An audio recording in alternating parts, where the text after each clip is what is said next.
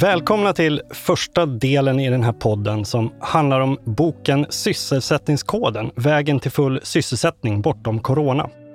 Jag heter Kent Werne och med mig har jag förstås bokens båda författare. Stefan Kalén som är chefsekonom och utredningschef på Handelsanställdas förbund. Välkommen! Ja, tack så mycket. Och Christer Persson som bland annat har varit ekonom på LO och 12 år i regeringskansliet och som nu är fristående utredare och författare. Välkommen du också. Tackar.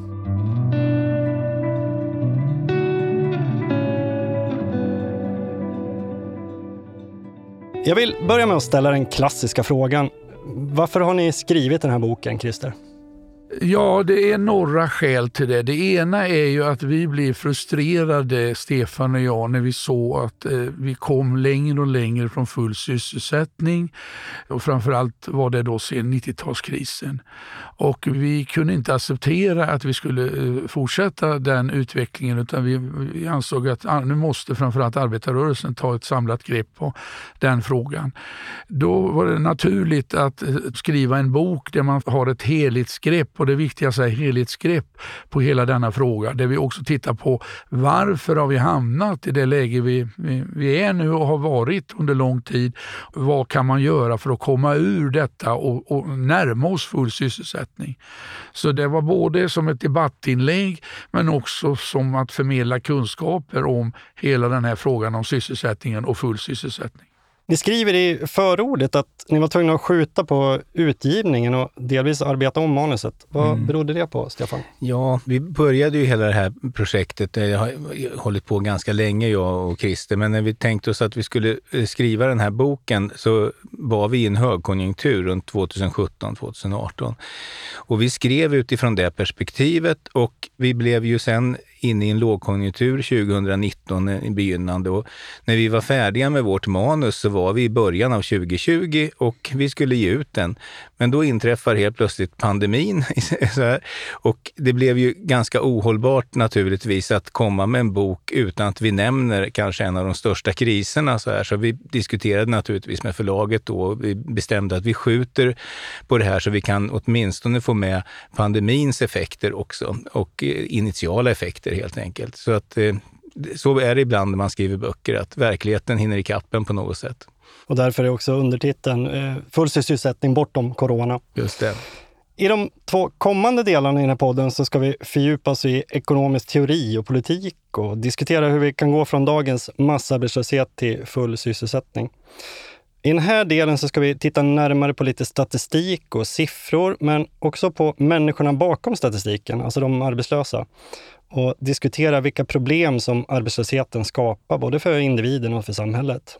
Men vi ska börja med själva begreppen sysselsättning och arbetslöshet. Vad är egentligen full sysselsättning? Hur definierar ni det, Christer? Det finns ingen officiell och allmän definition av full sysselsättning, det ska man veta. Men vi har en definition som jag tror vi känner oss trygga med och det är för det första då att vi ska ha ett högt arbetskraftsdeltagande och det har Sverige haft. Vi ska ha en hög sysselsättningsgrad och det har Sverige också. Men akillesen har varit en hög arbetslöshet sedan 30 år tillbaka och den måste bli mycket lägre om vi ska närma oss full sysselsättning. Dessutom har vi två andra krav. Det ena är att arbetslösheten arbetslösheten får inte skilja sig så mycket mellan olika grupper som det gör idag.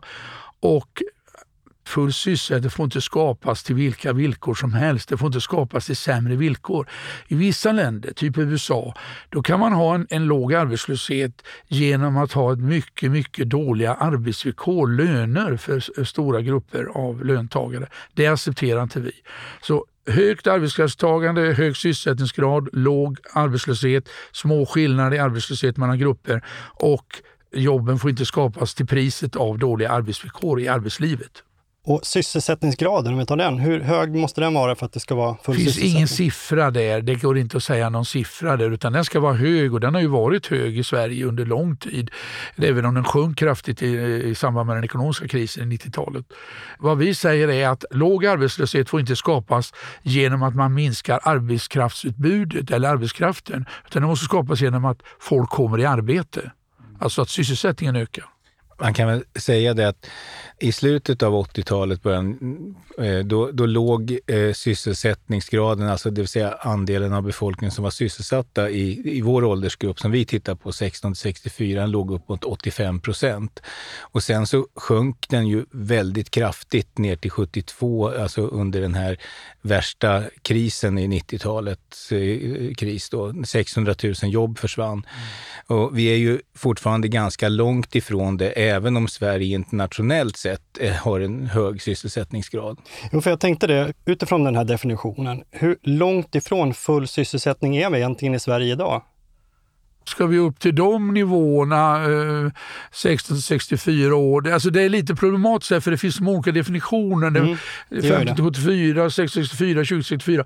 Men ska vi ha den som Stefan nämnde, då måste vi upp ett antal procent till i sysselsättningsgrad.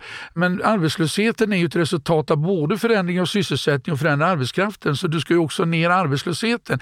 Vi måste ner, arbetslösheten har inte med några undantag under de senaste 30 åren varit under 6 procent. Och det är för mig och för Stefan tror jag också massarbetslöshet. Vi måste ner där. Men det går inte, det är svårt att säga exakt men vi måste åtminstone ner till fyra någonstans där i arbetslöshet. Men, men, problemet är att arbetslösheten har legat för högt, ligger för högt fortfarande. Även om vi har en god utveckling på arbetsmarknaden så kan vi inte pressa ner arbetslösheten till de nivåer som man måste nå för att kallas full sysselsättning. På tal om arbetslöshet, så det finns ju olika typer av arbetslöshet skriven i boken. Dels det man kallar för friktionsarbetslöshet, men också efterfrågearbetslöshet och strukturarbetslöshet. Vill du bena ut det här för oss, Stefan? En del undrar ju varför vi, när vi diskuterar full sysselsättning att, och LO gör det, att de säger att det är någonstans mellan 2 och 4 procent. Då. Och då kan man säga varför är det inte 0 procent? Och, och det, det beror på att rent statistiskt så är det alltid ett antal personer som är i omställning ifrån olika jobb och det är personer som studerar som går ut på arbetsmarknaden. Så att det går inte rent statistiskt att ha 0 procents arbetslöshet.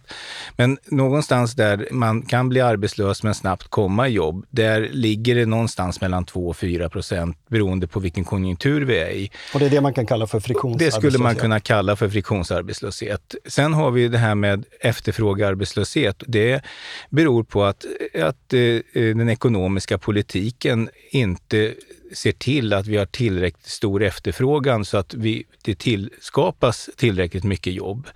Det, det, är det som brukar kallas för efterfrågearbetslöshet. Det är inte tillräckligt drag i ekonomin? Nej, det är det inte. Och sen har vi då strukturarbetslöshet och det beror på att de jobb som, som finns kan inte tas därför att människor faktiskt inte har de kompetenser och de utbildningsnivåer som behövs. Och allt det här sammantaget eh, så ser vi ju att vi, vi har utöver den här friktionsarbetslösheten så har vi nu dels haft en efterfrågearbetslöshet som har gått över till en strukturarbetslöshet som gör att väldigt stora grupper har oerhört svårt att komma in på arbetsmarknaden precis som Stefan säger så, så har vi de här uppdelningarna. Då. En viktig uppdelning är ju då som sagt var strukturarbetslösheten och konjunkturell arbetslöshet. Konjunkturell arbetslösheten den varierar ju väldigt tätt med konjunkturläget. Men det vi har fått nu det är att den allt större delen av den totala arbetslösheten är inte så anpassad till konjunkturläget. Det är rätt så okänsligt till det. Och det gör den ännu svårare att bekämpa. Det kommer vi till sen. men jag vill bara säga det. Så att där har det skett en förändring eh, av eh, de olika typerna av arbetslöshet under årens lopp. Om vi tar lite siffror då. I november 2022 så låg arbetslösheten officiellt på 7,2 procent enligt SCB. Och nästan 400 000 svenskar var arbetslösa. Är det här en hög eller låg siffra, Stefan? Den är oerhört hög. Det är ju ett av de stora gigantiska misslyckanden som vi har i, i svensk ekonomisk politik. Alltså att vi inte har fått ner den arbetslösheten överhuvudtaget. Och den här resulterar ju naturligtvis i massor med andra samhällsproblem som vi ser.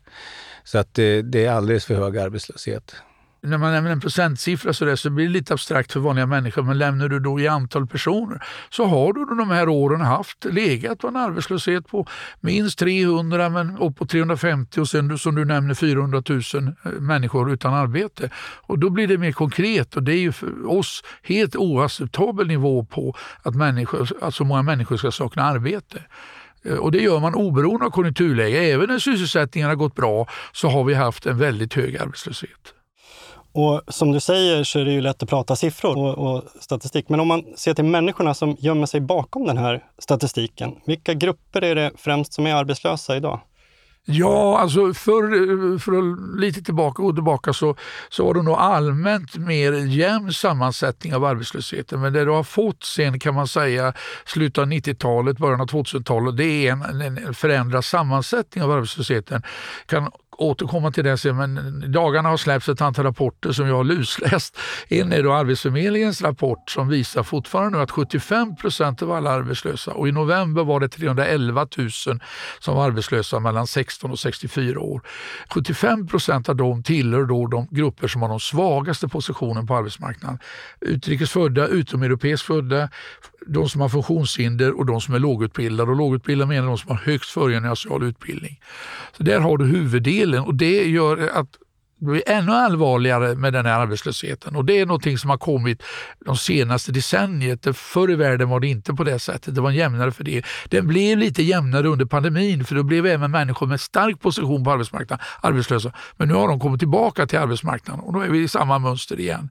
Att huvuddelen av arbetslösheten består av grupper som har svag konkurrensförmåga kallar Arbetsförmedlingen detta. Och som står långt ifrån arbetsmarknaden. Ja, de, de står långt. Och, och, jag kan också nämna en annan siffra där som vi ska vara försiktiga med siffror, men 85 procent av långtidsarbetslösa tillhör de här svaga grupperna. Det är de människorna som sitter fast i arbetslösheten och har svårt att få en fast etablering på arbetsmarknaden. Så arbetslösheten är väldigt orättvist eller ojämlikt fördelad om man säger så? Idag är den det, definitivt. Ni skriver ju också att den höga arbetslösheten idag är mångt och mycket ett utbildningsproblem. På vilket sätt är den det, Stefan? Ja, den stora delen av de arbetslösa har en kort utbildning eller en låg utbildning. Och, och, det betyder ju att eh, de har svårt att komma in på arbetsmarknaden. Som svensk arbetsmarknad idag ser ut så är det nästan omöjligt, skulle jag vilja säga, att om du inte har åtminstone en gymnasieutbildning i grunden, att kunna komma in på arbetsmarknaden.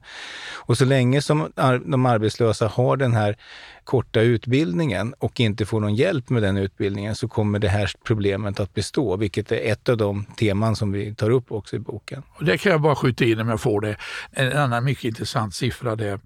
Jag, vill säga, jag vågar påstå att gymnasieutbildning är vattendelaren på dagens arbetsmarknad. Har man inte det, då är man körd. Jag låter lite drastiskt nu, men det är man om man inte har speciella kontakter. Då ska jag nämna en siffra till här som är väldigt belysande och illustrativ.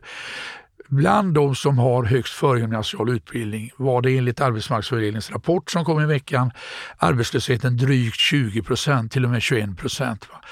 Bland de som har gymnasieutbildning är arbetslösheten 4 ungefär, eller 5, 5 för att vara så. Bland de som har högskoleutbildning är den 4. 4-5 procent jämfört med högutbildade jämfört med 20 procent. Då förstår man skillnaden. Och, ja, och just därför så är ju bristande satsningar på utbildning och arbetsmarknadspolitik ett av de, de ja. mest... Eh, eh, alltså, man kliar sig i huvudet ibland över varför det skärs ner på det istället. Ja.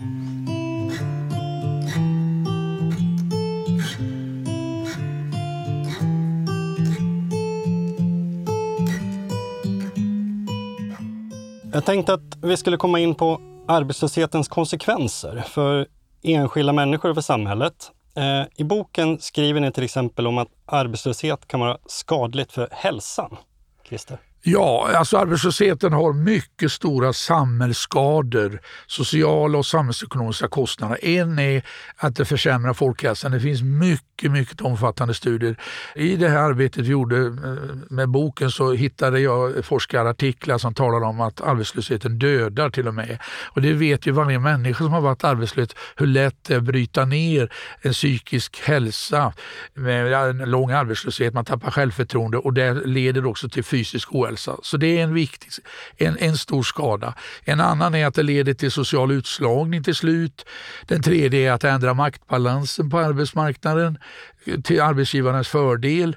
Eh, eh, eh, det fjärde är att är det något som skapar ojämlikhet så är det en hög och bestående arbetslöshet. Och är det något som undergräver de offentliga finanserna så är det ju en hög och bestående arbetslöshet. Det kostar på två sätt. Dels betalar den som är arbetslös mindre i skatt och för det andra så kostar för samhället den som är arbetslös mycket mer än den som är sysselsatt, självklart. Så det har väldiga skador. Och det är märkligt, om jag får vara lite kritisk i det här sammanhanget, att, att vissa partier och att arbetarrörelsen inte mer skjuter in sig på de här skadorna. Och de märks inte förrän det blir för sent när människor kommer till psykiatrimottagningar och sjukhus och annat. Så det har väldigt stora samhällsskador, arbetslösheten, och har haft det i Sverige under lång tid. Ni skriver bland annat att eh, arbetslösheten leder till att kriminaliteten ökar. Eh, och, och då är vi inne på det här med gängkriminalitet i, i förorterna till exempel och att klyftorna växer. Hur hänger det ihop egentligen? Hur ser den konkreta sammanhang Ja, alltså det hänger ihop på det sättet att vad vi har i Sverige nu det är en eh, klassrelaterad boendesegregation. Det har gjorts många studier om detta. Eh, och den har ökat kraftigt från 1990 till 2020. Och den betyder, om vi, man har alltså gjort, ett antal forskare har delat in Sverige i, i i alla Sveriges kommuner i olika områden, 1 till 5. Det 1 och 2 är de mest utsatta områdena och segregerade och de här 4 och 5 är de mest privilegierade. Vi tar de 1 och 2. Där har du då utbildningsnivå, hälsa, eh, inkomster, eh, deltagande på arbetsmarknaden är mycket sämre än de här områdena. I de här områdena. Och om vi nu tar gängkriminaliteten så är det så att i de här områdena jag ska också ta en siffra här, så är det så att 15 procent ungefär under årens lopp av en grundskolegeneration som går ut grundskolan och söker gymnasiet har inte behöriga till nationellt program så att säga i riket. Men i de här områdena så har du 30, 40, 50 procent som inte är behöriga till gymnasiet. Och som vi sa tidigare, har du inte gymnasiet är du körd och det är ofta pojkar. Ja, vad gör de här pojkarna? Många av de här pojkarna vänder sig till det, nämligen att söka sig in i en kriminell miljö. Det är lite mer komplicerat än så, men i princip kan man säga att de gör det. De har ingen chans att komma in på gymnasiet, då är de körda på arbetsmarknaden och då vänder de så lätt till de här kriminella miljöerna. Och det, det, kan man väl säga så här, det, det är väl nästan ganska mycket kriminologisk forskning som pekar på just sambandet mellan ja. hög arbetslöshet i utsatta områden och kriminalitet. Så att mycket av den diskussionen vi har haft om kriminaliteten borde egentligen ha handlat mycket hur vi ska ta hand om arbetslösheten i de här grupperna. Men tyvärr så handlar den nästan bara om hårdare straff ja. Eh, och inte om att se till att eh, bota problemet där det verkligen finns. Och det här med klyftorna, man kan ju intuitivt förstå eller tänka sig att det finns ett samband mellan växande arbetslöshet och, och växande klyftor. Men, men exakt hur ser kopplingen ut där?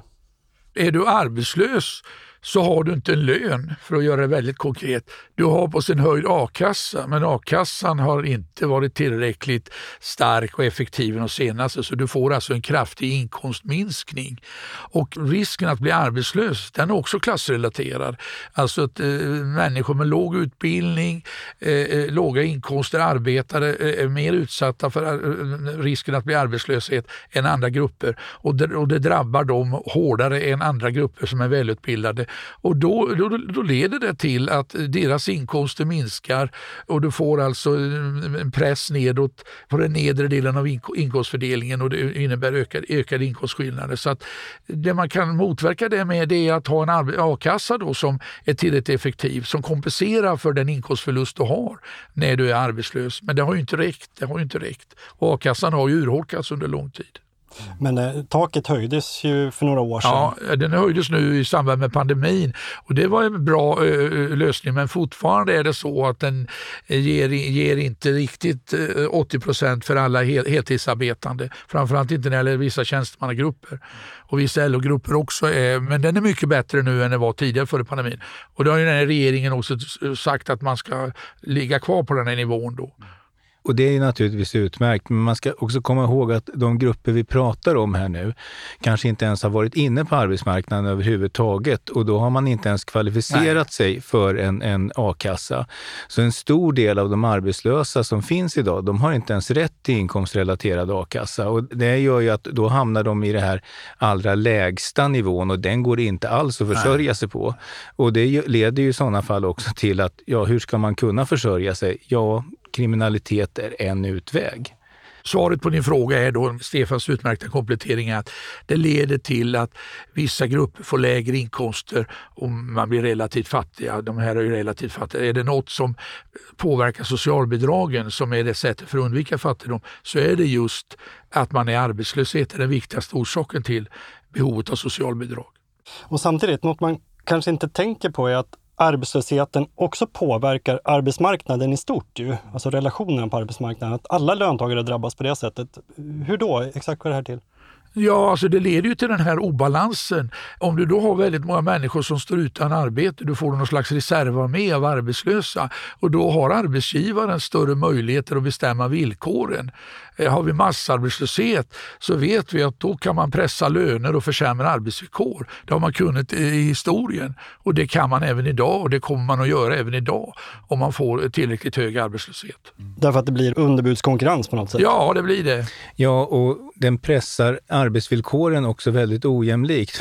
Framför allt inom LO-grupper och, och kanske också väldigt mycket inom kvinnligt dominerade områden så blir det en väldigt tydlig press på arbetsvillkoren. Vi kan se det som ett exempel, eh, handlar det om mer otrygga anställningar. Under den fulla sysselsättningens tid, om det kom någon och sa här får du en osäkert deltidsarbete, vi smsar in, nej de hade ju inte sms på den tiden, men vi, vi ringer in dig när vi känner för det. Då hade ju den här sagt, nej men det, det, det där jobbet tar jag inte. Då hade man ju gått till en annan anställning för då efterfrågade ju eh, arbetsgivarna arbetskraft. I en massarbetslöshetssituation då får ju arbetsgivarna den här makten och faktiskt se till att ja, men du får de här usla villkoren. Och det skriver vi också med boken. Det har ju lett till en extrem ökning av osäkra anställningar. Och så här kallade visstidsjobb, tidsbegränsade jobb, men också ganska så här utsatta bemanningsjobb som drabbar mera manligt dominerade områden. Så att eh, arbetslösheten leder till en mycket sämre arbetsmarknad för alla. Det där brukar ju arbetsgivarna kalla för en flexibel arbetsmarknad. Men ni beskriver det med lite andra ord som otrygga jobb, prekarisering och brutalisering av arbetslivet. Ja, ja det, det, brutaliseringen är ju ett, ett norskt begrepp egentligen som kom ursprungligen då, men den, den, betecknar ju just de här försämringarna som sker på arbetsmarknaden i kombination med de försämringar som sker i hela socialförsäkrings och a-kassesystemen.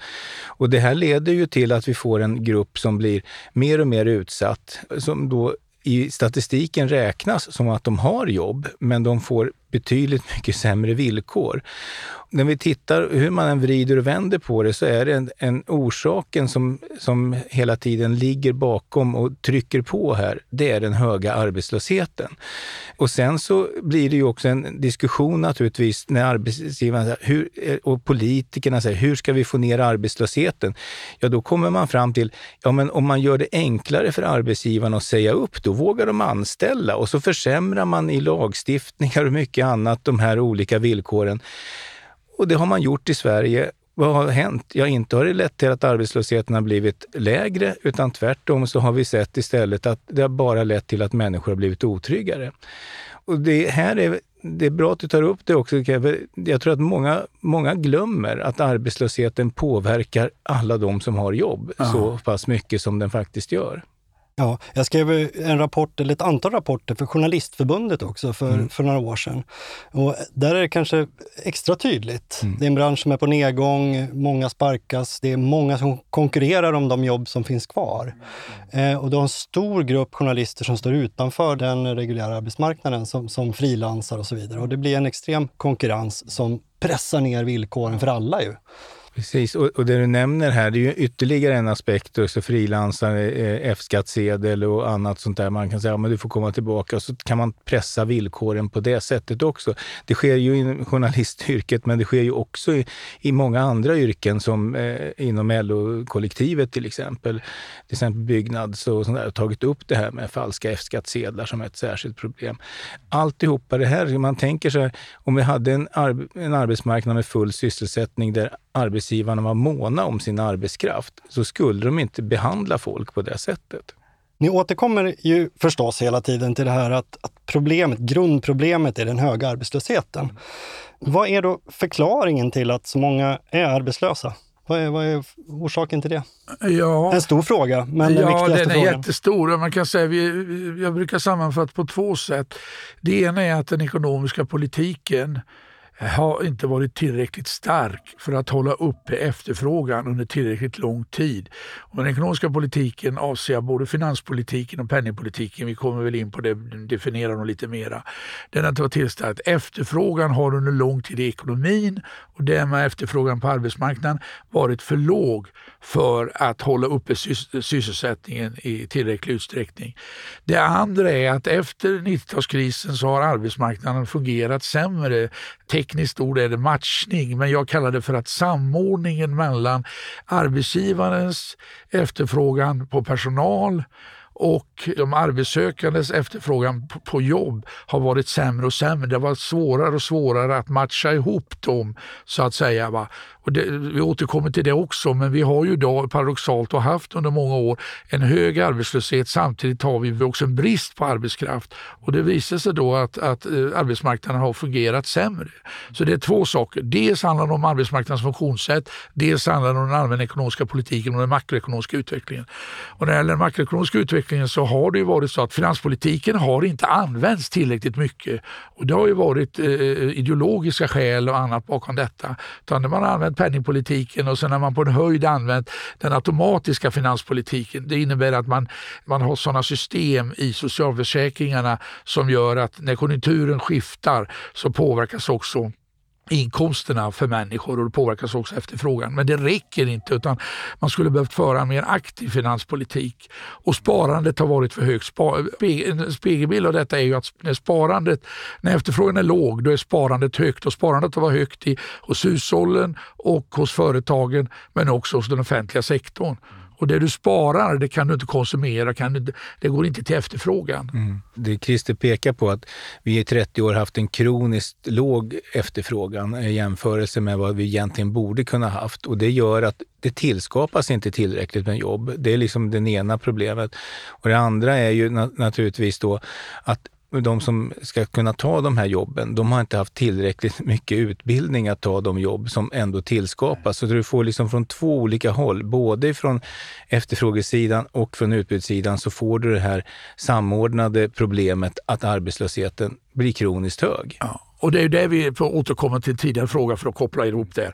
Nämligen att du har då en annan grupp av arbetslösa som där behovet av utbildning och kompetensförstärkning är ännu större än tidigare. Jämfört med tidigare där du hade kompetenta och välutbildade personer som kanske tillfälligt var arbetslösa så var det lätt att få in dem i jobb. Nu krävs det ännu mera för att få in den här gruppen arbetslösa i jobb. Så där har det brustit också. Man har gjort inte tillräckligt mycket när det gäller arbetsmarknadspolitik, arbetslivspolitik, utbildningspolitik just för grupper som som har en svag förankring på arbetsmarknaden.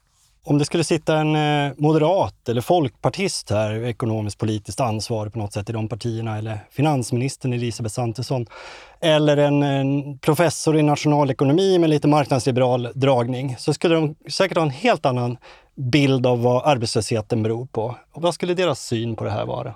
Ja, det är ju det här som är det märkliga. De anser ju inte att det kan finnas någon kroniskt låg efterfrågan därför att eh, om det finns så kommer det genast gå till en jämvikt igen. Så här, va? Det är liksom det, det som är en av våra två stora skillnader i, i hur vi tänker ekonomi. Och det andra är ju att eh, de ser ju inte heller då att det stora problemet ligger i efterfrågan, utan de ser att det ligger i stelheter, som de kallar på, på arbetsmarknaden. Vad kan det vara för någonting? Och när de pratar om stelheter, då pratar de om att skatterna är för höga, utan att tänka på att skatterna också bidrar till offentlig sysselsättning till exempel. De menar på att a-kassan är för hög för att det får folk att eh, välja att bli arbetslösa snarare än att, eh, att ta jobb. De säger att sjukförsäkringen kan vara för eh, generös. De säger också att eh, arbetsrätten kan vara för stark eh, och att fackföreningarna är för starka. Så det, det här som vi menar är liksom viktiga saker för en bra arbetsmarknad, det menar de är stelheter på arbetsmarknaden. Som måste avlägsnas om man ska nå... Ja, liksom. enligt deras synsätt. Det har ju varit så paradoxalt, jag måste komma in på det. det man går tillbaka till den gamle, han vänder sig i graven, sägs lag, nämligen att utbudet skapar sin egen efterfrågan. Man anser som sagt som Stefan sa att efterfrågan har ingen betydelse. Men när pandemin kom då blev det ju även tydligt för dessa förstockade, för jag anser det vara, eh, att inse att efterfrågan har en betydelse. Det var så tydligt att efterfrågan har betydelse. Efterfrågan knäcktes. Ja, den bara tvärdog ju. Ja, men den, den tvärdog ju. Och efterfrågan har betydelse för den reala utvecklingen, för den ekonomiska aktivitet, för tillväxt, sysselsättning. Så ursäkta att jag låter förmäten, vi hade rätt när vi betonade efterfrågans stora betydelse för den makroekonomiska utvecklingen, för tillväxt, för sysselsättning. Annars har ju det stora mantrat från höger de senaste åren varit att det måste löna sig att arbeta. Det vill säga det måste finnas en skillnad mellan eh, bidragsnivåerna och nivåerna på a-kassan och lönenivåerna för att folk ska orka och vilja ja, Men då ska arbeta. jag vara lite akademisk. Empiriskt, som man brukar säga, så har de ett väldigt svagt stöd. Om vi tar skattesänkningar så finns det inga studier som är stabila och säkra. Det finns enstaka som säger att sänker du inkomstskatterna tillräckligt mycket för människor rakt över, då får du enorma effekter på arbetsutbudet som i sin tur påverkar sysselsättningen. Det finns inga sådana grunder. Jag har gått igenom. Eh, den gamla LO-ekonomen Åsa Pia, hon var väldigt duktig på skatter. Jag får berömma henne lite här. Hon gjorde en jättebra artikel i Ekonomisk debatt för några år sedan då hon gick igenom forskningen. Det finns inte. Hade en debatt med Claes Eklund. Han kanske är bekant med vår ja, lyssnarkrets. Den store ja. tidigare socialdemokratiska ja, nationalekonomen. Ja. Och hon visade, det, fan, det finns inte detta, så det är deras problem. Att de har inget verklighetsunderlag utan det är ideologiskt betingade krav. Och det de ofta missar i det här, det är ju, det är ju alltså skatternas användningsområde. Ja. Man går bara in på skatterna ja. utifrån att det skulle hindra en från att ta jobb, men alltså det bidrar ju till väldigt mycket jobb. Och sen så måste jag ändå säga, jag tycker att det här nyliberala receptet har verkligen prövats i Sverige. Alltså, särskilt ifrån alliansregeringen 2006 och framåt. Man införde enorma jobbskatteavdrag, man sänkte a-kassan, man försämrade sjukförsäkring, man, man, man slog slog sönder en del av arbetsrätten, gjorde det möjligt för arbetsgivare att anställa på nollkontrakt hur mycket de än ville. Det har inte gjort någonting annat än att arbetslösheten bland de mest utsatta grupperna har ökat under den här tiden. Så att det jag tycker är så, så Stefan så och jag och gode vän Suonen som inte är närvarande. Daniel Suonen. Daniel Suonen, ja jag vill ändå lyfta honom. Vi skrev tre böcker om detta och gick igenom de här frågorna rätt så noga och vi fann inte de här effekterna. Och det har ju prövats i land efter land och det har inte skett. Det har inte skett. Det är ett land som en... Eh, det finns vissa länder som har en betydligt lägre arbetslöshet och så men de är inte nära full sysselsättning genom det här receptet. Det har ju prövats som Stefan säger. Det framstår ju ofta som att den här höga arbetslösheten som vi har idag är naturgiven eh, och att det inte går att pressa ner den särskilt mycket mer än vad man har försökt göra. Då. Men jag gissar att ni har en helt annan syn på den där saken, Stefan? Ja, det har vi. Och eh, det, det, här, hela den här liksom, tron på att det finns en naturlig arbetslöshet som vi aldrig kan gå under, den tycker jag att historien har visat att det åtminstone har funnits i Sverige eh, och, ja, från eh, andra världskrigets slut till 90-talets början, en period när vi faktiskt kunde ha en full sysselsättning, eller så nära full sysselsättning som möjligt. En arbetslöshet som har legat under 2 procent under i stort sett eh, hela tiden. Under en lågkonjunktur kunde den gå upp mot 4, men i övrigt så har vi ändå klarat av det. Det här tycker jag är, är liksom en blir väldigt konstigt att säga så här, ja men vad vi än gör så går det aldrig att pressa ner arbetslösheten. Det är ett nyliberalt tankesätt som vi faktiskt avfärdar ganska mycket. Och så kommer både jag och Christer från arbetarrörelsen så är det så här ännu mer främmande därför att den fulla sysselsättningen är och har alltid varit det allra viktigaste målet vi har haft för att det påverkar, som vi har berättat, så oerhört mycket annat i samhället. Så att vi har inte något till övers för den typen av tankegångar. Och historien ska vi återkomma till i nästa avsnitt, i del två av den här podden. Då ska vi prata om ekonomisk politik, ekonomiska teorier och de kriser som har fött fram en ny typ av ekonomiskt tänkande och en ny ekonomisk politik. Lyssna på det avsnittet också.